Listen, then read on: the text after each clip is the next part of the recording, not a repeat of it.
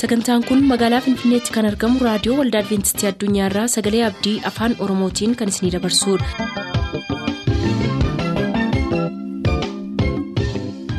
harka fuuni akkam jirtu dhaggeeffattoota keenya nagaan waaqayyoo bakka jirtan hundaati isiniif haa baay'atu jechaa sagantaan nuti har'a qabannee isiniif dhiyaannu sagantaa dhuga ba'umsaaf sagalee waaqayyoo ta'a gara sagantaa dhuga ba'umsaatti haa dabarru.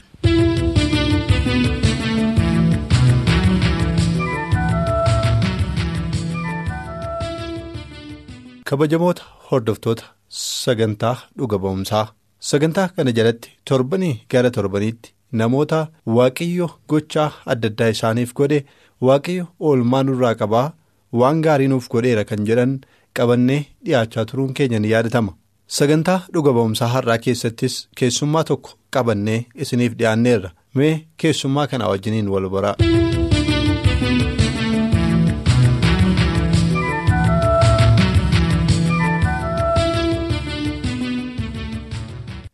Ani guddataa Tsaggaa'een jedhama.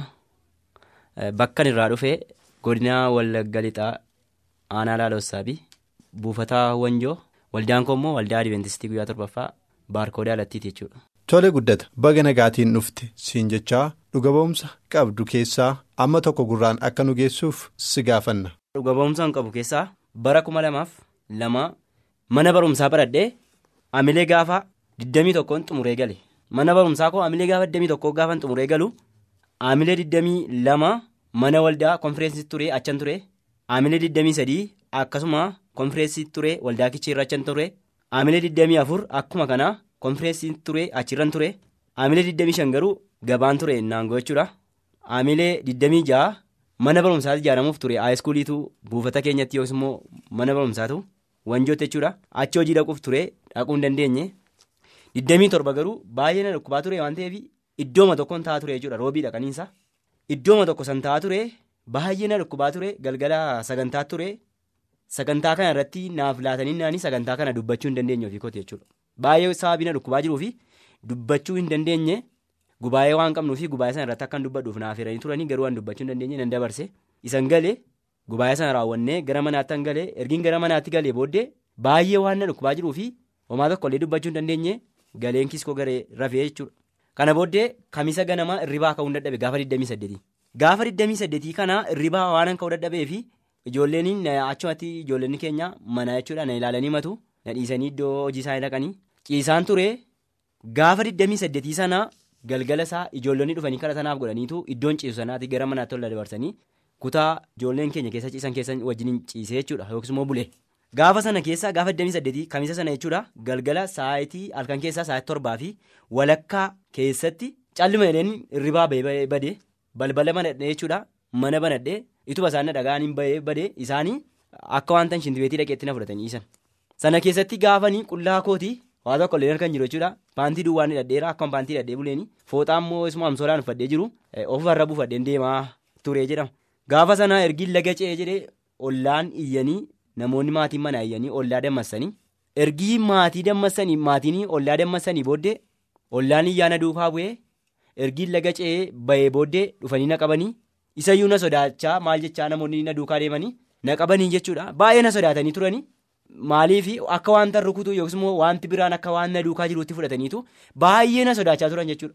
Sana keessatti isumayyuu dhufanii na qabanii isa dhufanii na qabanii fuudhanii na galanii isa fuudhanii na galanii booddee yeroo sanaa kaasee.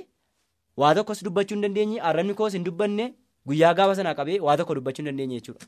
Nan bulee yeroo sanaaf kadhatanaaf godhanii nan bulee gaafa 29 mana qorichaa naannoo matti nageessanii naanii maankiyaadhaanii afaan koo baay'ee wal qabate ilkaan koo wal qabatee ture gargar baasee ture hakimiin sun jedhanii ani hin beeku kanas. Arrabni koo dubbachuu waan didee fi indaganaa hospitaalatti nageessanii mana qorichaan ciisaa ture. Ergiin torban tokko ciisee booddee mana qorichaatii marfee soddomii jaawaraannadhee kana booddee naanii nan fayyee. Jimaata galgala gaafan fayyee sana jimaata galgalan dubbadhee sanbaduraa sa'aatii booddeedha kanan bahe mana qorichaa sana keessaa jechuudha. Nan galee ergiin galee torban sadii wayii ergiin fixee jedhee booddee immoo qaaqumee tokko keessaa baay'ee na dhukkubaa ture kadhatatu ture kadhata kana dhaquu hin dandeenye obboloonni koo maatiin manaa kan hin yeroo isaan naan jedhanii dandee waan na ajajaa waan hin jirreefi bakka kadhataa kana dhaquun natti hin tolle yookiis immoo na ajajaan jiru jechuudha dhaquun.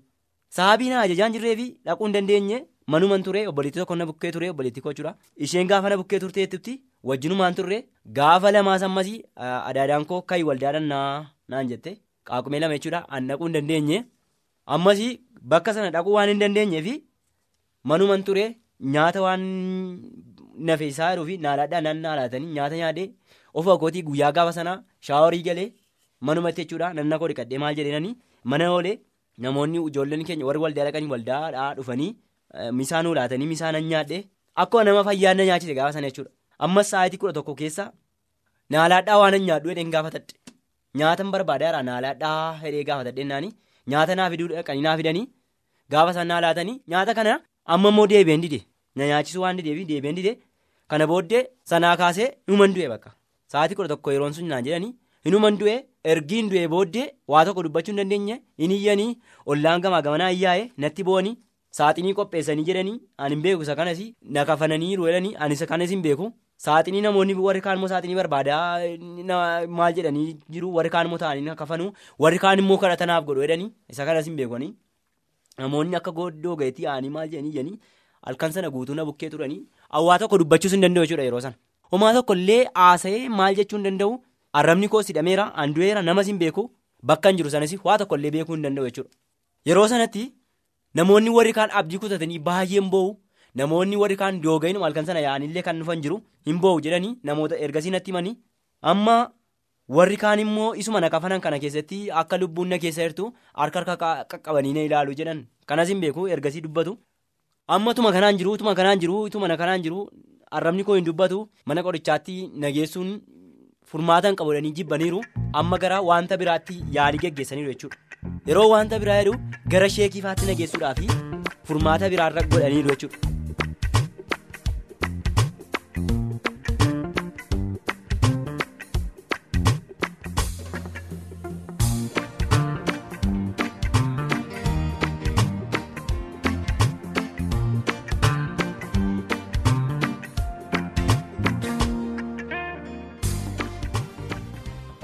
Dhaggeeffatootaa amma maatiin guddataa waaqayyotti abdii kutatanii furmaata biraa barbaaduu eegalaniiru.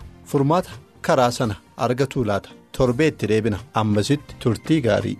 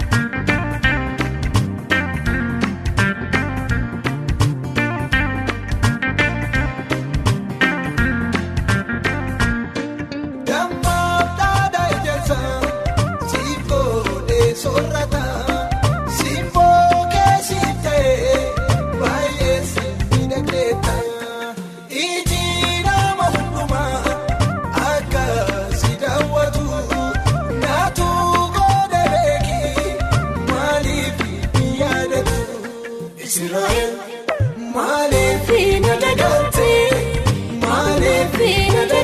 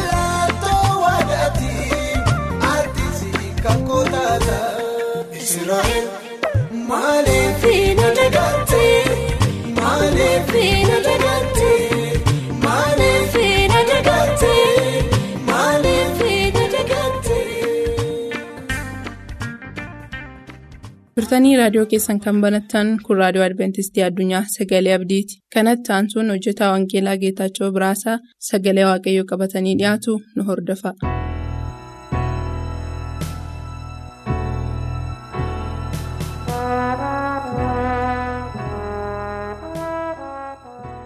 kabajamoota dhaggeeffattoota keenyaa bakka jirtan hundumaa teessanii raadiyoonii keessan banattanii nu hordofaa kan jirtan nagaan waaqayyoo isinii wajjin haa ta'u jechuun jaalladha yeroo darbe mata duree adda addaatiin sagalee waaqayyoo waliin qorachaa turuun keenya ni beekama har'as mata duree biraatiin walii wajjin macaafa keenya akka qorannuuf qabannee dhiyaannee jirra isinis bakka jirtanitti nu iddoo kana. Kan jirrus waaqayyoo akka nu wajjin ta'uuf bakka jiraannu hundumaa mataa keenya gadi qabanneen kadhannaa. Bara baraan kan jiraattu jaallatamaadhaaf amanamaa abbaa keenya si galateeffanna nu ijoolleen kee barootaaf yeroo jiraanne keessatti ayyaanni kee faraarri kee nuuf baay'atee nagaan kee nagaa keenya ta'ee karaa hundumaaf haala hundumaa keessatti nu gargaartee yaa waaqayyo gooftaa warra jiraatanii har'a ga'anii. galata siif dhiyeessan namoota akka taanuuf waan nu gargaarteef maqaan kee galateeffamu yeroo kana immoo yaa waaqayyo abbaa keenya kaleessa kan nu wajjin turte ammas amma bara baraattis akka nu wajjin taatu yeroo kana immoo addumaan sagalee kee qorachuudhaaf yommuu jennu hafuurri kee qulqulluun dubbii kana yaa waaqayyo gooftaa akka nu barsiisu akka nu hubachiisuuf ati waaqarraa hafuura kee nuuf erguun jaalakee haa ta'u sadageenyatti immoo akka jiraannuuf namoota akka taanuufis nu gargaari nu wajjin ta'ee bakkaaf yeroo jiraannu hundumaatti. ayyaanni kee faraarri kee nuuf haa baay'atu qaalma kee gooftaa yesuusiin ameen. Dhaggeeffattoota keenya mata dureen har'a qabadhee dhiyaadhee kan inni jedhu fayyinni kennaa waaqayyooti kan jedhu irratti sagalee waaqayyoo waliin qoranna. Fayyinni kennaa waaqayyooti kan jedhu walii wajjin qoranna. Fayyinni maali? Fayyinni maaliif barbaachisaa yeroo attamii barbaachisa kan jedhu mee walii wajjinaa ilaallu. Namni fayyaan. namni dhukkuba hin qabne namni dhibee hin qabne mana yaalaa hin naqu yookaanis immoo wal'aansaa fi gara mana yaalaa dhaquu hin fedhuu hin barbaadus dhaquunis immoo irra jiru. Gara mana yaalaa yookaan gara mana wal'aansaa kan naqu nama dhukkuba yookaan dhibee qabuudha kanaaf egaa warra dhukkuba qaban warra rakkina qabantu abbaa qorichaa barbaada malee warri fayyaa qaban abbaa qorichaa hin barbaadanii jedhe gooftaan kanaaf dubbate. Kanaaf egaa. Fayyinni kennaa waaqayyooti kan jedhu kuni waa'ee maalii nu barsiisuu barbaade laata mee walii wajjin ilaalla fayyinni kennaa waaqayyoo waan ta'eef kan nuti fayyinee hojii keenyaan akka hin taane paawuloos jabeessee dubbata waaqayyo jalqaba yommuu nama uume nama guutuu godhee mudaa hir'ina kan hin qabne godhee uume namni garuu cubbuutti waan kufeefi. jal'inatti waan kufeefi cubbuu kanatti karaa namni ittiin fayyu barbaadamuutu irra jira. Kanaaf cubbuutti kan namni fayyu barbaadamee yommuu argame immoo karaa gooftaa keenya yesus kiristoos duwwaa ta'uu isaati kan hubannu.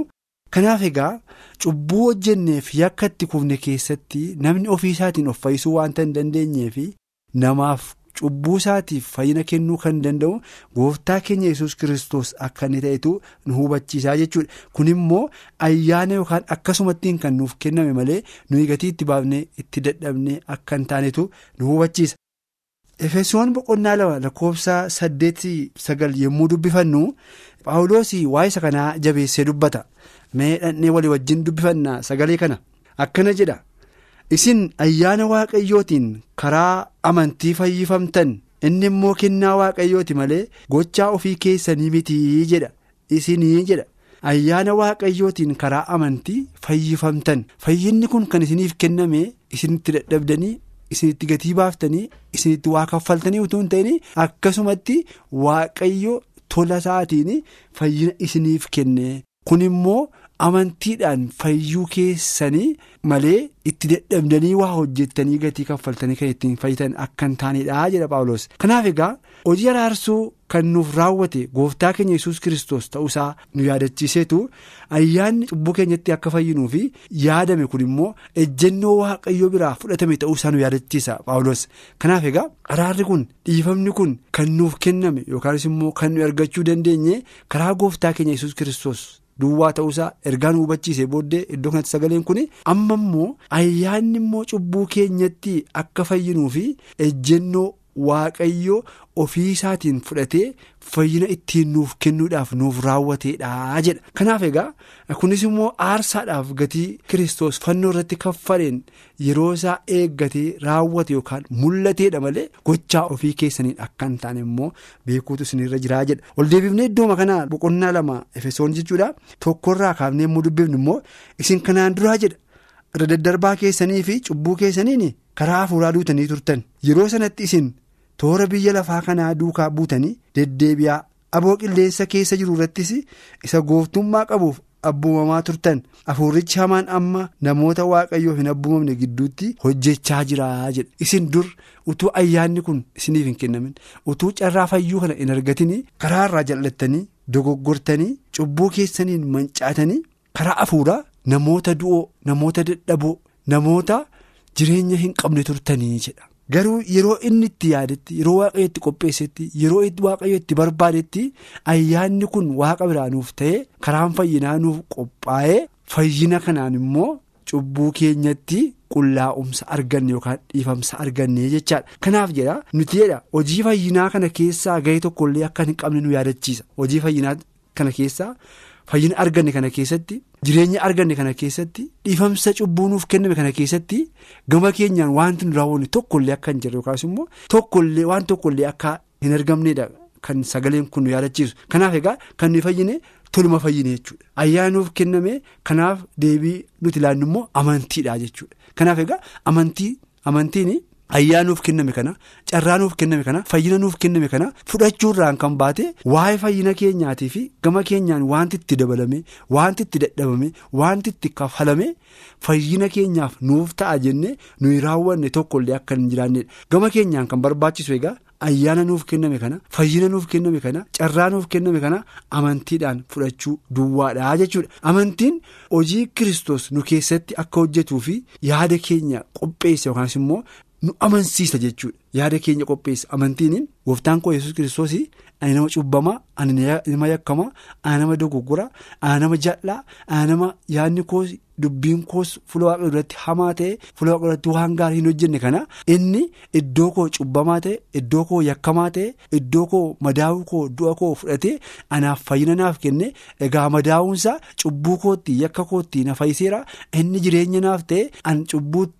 Isaanan dhiifamsa argadhe jenne amantiidhaan sana fudhachuurraan kan baate wanti nuyi gama keenyaan goon tokkollee akka hin jiraannedha kanaaf egaa erga amantiidhaan jireenya keenya keessatti gochaadhaaf fayyina kiristoos nuuf kenne fudhanne immoo amantiin lubbuu keenyaaf ayyaanaaf araara waaqayyo akka argattuuf illee akka inni gargaarudha kanaaf amantiin nuyi gooftaa keenya kiristoositti fudhanne yookaan qabaannu lubbuun keenya illee araaraa akka isheen argattu fayyina akka isheen argattu nu godhaa jecha. Namni amane immoo amantii isaarra kiristoositti erga qabaate immoo garaa kiristoos qabaachaa ture qabaata amala kiristoos qabaachaa ture qabaata yaada kiristoos qabaachaa ture qabaata kaleessa irra daddarbaa keenyaan jal'ina keenyaan cubbuu keenyaan karaa waaqayyoorraa yaada waaqayyoorraa fagaannee kan ture namoota yoo taane amma erga ayyaana kanaan fayyifamnee carraa fayyinaa arganne immoo isa kaleessa itti deddeebi'aaf itti jiraachaa turre karaa keenya isa jal'aaf hamaa dhiifne karaa waaqayyoorraa yaada waaqayyoorraa amala waaqayyoo gooftaa yesus kiristoosiin qabaachuudhaan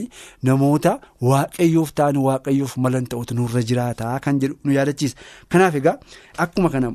Galaatiyaa boqonnaa afur lakkoofsa afur keessattis yommuu dubbifannu kan jabeessee nutti dubbata. Innis maal jedhaa? Barri murameef sun yeroo guutetti jedha. Garuu waaqayyo ilma isaa ergee innis yeroo ergamee dubartiitti dhalatee seera jala galfamee jedha. Kanaaf barri waaqayyo itti barbaadeef itti qopheesseef itti yaade yommuu ga'e yommuu ga'e sanatti gooftaan keenya yesus kiristoos jedha dubartiitti dhalatee jedha inni ofii isaatiif seera jala of galchee jedha. Seera jala of galchee jedha. Eenyuuf jedhee ilmaan namootaatiif jedhee maal akka ta'aniif akka isaan seera jalaa ba'anii fayyina argataniif jedhee ayyaana argataniif jedhee waaqayyo gooftaan keenya ilma isaa tokkicha nu ergee ilmi isaa tokkichi immoo ofiisaa seera jala of galcheetu nuun immoo ayyaana jala akka gallu fayyina akka argannuu fi karaa yookaan daandii kan nuuf qopheesse ta'uusaa nu yaadachiisa. Egaan saba waaqayyo har'a warri amanneerra jennu. Warri mana waaqayyootti deddeebi'aa jirru warri waaqayyo dhiiga isaa gooftaa keenya yesus kiristoosiin nu bute lubbuu keenya jireenyaaf nu qopheessee ayyaana guddaa kana nuuf kennee jiru. Har'a isa kaleessa itti jiraachaa turree fi karaa jal'inaaf karaa hama waaqayyoon kan hin gammachiifnee fi hiriyoota keenya illee kan gaddisiisu yaada jal'aaf yaada hama walirratti ka'u wal jibbuu wal loluu wal miidhuu wal gaddisiisuu yaada waaqayyoo keessatti yookaan karaa waaqayyoo keessatti iddoo kan nuuf laanne amala akkasii qabaachaa kan turre har'a erga ayyaana kanaan fayyifamu. Arganne immoo amalli keenya isa kaleessatti jiraachaa turre karaa hamaa sanarraa deebi'ee amala waaqayyoo qabaachuudhaan yaada waaqayyoo namatti agarsiisuudhaan karaa fayyinaa daandii fayyinaa daandii jireenyaa namootatti agarsiisuun kan nurra jiraatu ta'uusaa sagaleen kun nutti dubbata egaan bakka jiraannu hundumaatti sagalee kana dubbifachuudhaanis dhaggeeffachuudhaanis ordofaa kan jirru sirriitti. Hubachuudhaan irra deddeebinee dubbifachuudhaan kaleessa itti jiraachaa turre karaaf jal'inaaf hamaa dhiifne gara waaqayyootti deebine waan gaarii hojjenne waan qajeelaa hojjenne amantiidhaan isa gooftaan keenya kiristoos nuuf raawwate kan keenya jennee fudhanne warra waaqayyoon gammachiisan warra akka jaala waaqayyootti deddeebanii hiriyoota isaanii immoo akka lubbuu isaaniitti jaallatanii har'a jireenya biyya lafaa kana irratti dabarsuu duwwaadhaaf namoota dhamaan utuu hin ta'in gaaf tokko isa dhufu jireenya waaqaa gonfoo. Jireenya barbaachisan argachuudhaaf namoota dhamaan ta'utu nurra jiraata har'a kan gochuu dandeenyu immoo egaa kaleessa itti jiraachaa turre amala keenya isa dadhabaa jireenya keenya isa dadhabaa fannoo kiristoos jala gashine har'a kiristoosiin jireenya yookaan dhaloota haaraadha jennee isaa wajjin deddeebuudhaan namoota biyya lafaa keessaa adda kan nu godhe sagalee waaqayyootiin. Buluudhaa fi dubbii waaqayyootiin deddeebi'uu keenya waan ta'eef ifa kee jiraachuu keenya waan ta'eef ifni nuyi arganne kun immoo namootaaf ifa ta'ee gara ifa jireenyaa kanatti namoota akka waamuu fi har'a gahee nuyi taphannu gahee guddaa waan ta'eef namoota ofiisaaniif fayyanii karaa fayyinaas namootatti agarsiisan namoota akka taanuuf waaqayyo nu gargaaru isa amanneef isa dhageenyattis jiraachuudhaaf deddeebi'uudhaaf itti eebbifamuudhaaf akka jiraannuuf waaqayyo nu haa eebbisu. Bakka jiraannu hundumaatti ayyaanni waaqayyo nuuf haa baay'atu. Yeroo biraa mata duree biraattiin deebinee amma wal agarruutti Akka jiraattan hundumaatti waaqa isin wajjin haa ta'u nagaan tura. Gaariidha gaariidha yaadni kee gaariidha yaadni kee gaariidha gaariidha yaadni kee gaariidha yaadni kee utuu lafaan hanqaa'iin yesus koo baattee na guddiftee. Sagantaa keenyatti akka gammaddan abdachaa har'aaf kan jenne xumurreerra bor sagantaa faarfannaa qabannee isiniif dhiyaanna beellama keessaan nu waliin godhadhaa jechaa nuuf barreessuu kan barbaadaniif ammoo lakkoofsa saanduqa poostaa 45 finfinnee lakkoofsa saanduqa poostaa 45 finfinnee.